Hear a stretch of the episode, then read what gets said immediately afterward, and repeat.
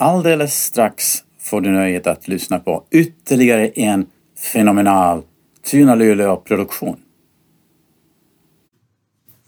Hej, vi är från EVMIC och tänkte intervjua dig lite om ditt jobb och några andra saker. Första frågan. Hur länge har du jobbat som lärare? Den är lite komplicerad för jag har jobbat i omgångar. Men jag räknade ut att jag, det här är mitt åttonde år som lärare. Fast det är min, mitt tredje år sedan jag den här svängen kom tillbaks. Så totalt åtta. Men som fransk, engelsk och svensk lärare tre år. Okej. Intressant. Vad, är vad gör en bra dag i skolan för dig? En bra dag i skolan det är eh, Ja men det är när jag får upp energi i klassrummet, när jag har, möter glada elever. Ja, när det är lugnt och harmoniskt helt enkelt. Dag. Eh, vad, in, vad inspirerar dig? Eh, rent i mitt yrke alltså tänker ni? Ja. Mm. Eh, både kollegor och elever. Eh, kollegor som, jag, har- jag har jätteduktiga kollegor.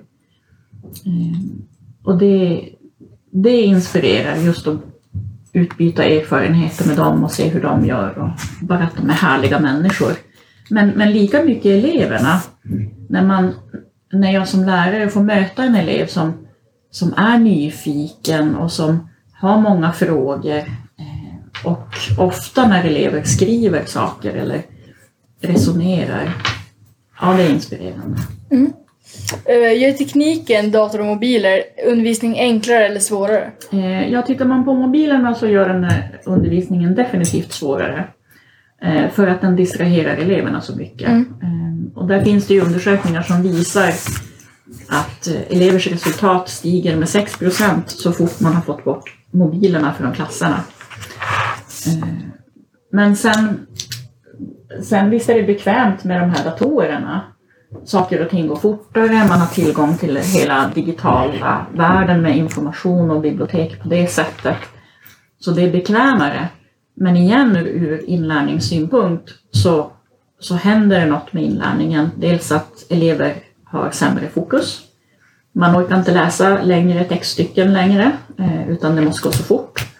Eh, och eh, Ja, det försämrar... Jo, och sen att elever faktiskt, när, när, vi, bara har uppgifterna digitalt, att de får ja, men, binoklar, de här, klicka sig fram, så blir inlärningen sämre. Så jag tycker att eleverna lär sig sämre och lär sig på ett mer ytligt plan. Så vad är den bästa och sämsta med att vara en lärare? Eh, Det bästa, det, det som gör mig tacksam över att vara lärare, det är just det här att jag får möta unga människor och så får jag följa med en liten bit på vägen. Och sen i nian så står jag och vinkar i förväg. Det är som det jag tycker är så häftigt, jag får följa med en liten bit.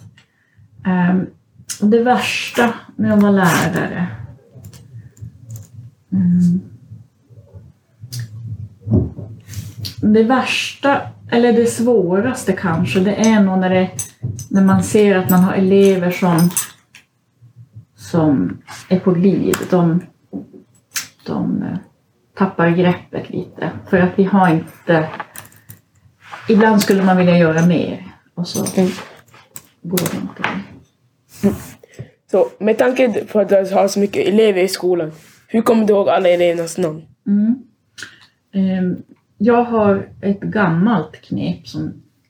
Det fanns en gång en ICA-reklamfilm. Eh, där... Det var i början på när hela den här ICA-reklamserien kom. Eh, Där de satte tankebubblor ovanför figurerna, alltså ovanför de karaktärerna. Eh, Och jag började göra så på mina elever. Så att till Adam så finns det en tankebubbla där det står Adam och Mohammed så finns det en där det står Mohammed. Eh, och det funkar för mig. Så. Sen, sen finns det namn som tar lite längre tid innan de fastnar men generellt sett så lägger jag på den där tankebubblan. Så. Tycker du du är typ perfekterad som en lärare eller studerar du fortfarande till Jag studerar fortfarande. Okej. Så varför valde du just denna karriären? Ehm, delvis så är det slump och delvis så är det nog ändå det jag är bäst lämpad att göra, för jag känner mig mest hämmad, hemma. Ehm, Jag har alltid undervisat och jag hade egna elever när jag gick på gymnasiet redan. Mm. Ehm, Då började jag vikariera för min musiklärare. Så. Ehm, Och sen, sen tänkte jag nog att jag skulle bli musiklärare så det har alltid funnits med och det här undervisandet har funnits med. Men mamma läste på SFI så jag hängde vid böckerna där. Jag har en storebror som har ett begåvningshandikapp och där var det också mycket så här Alltså jag fick tänka pedagogiskt. Så det har alltid funnits med men jag har gjort en massa annat i mitt liv.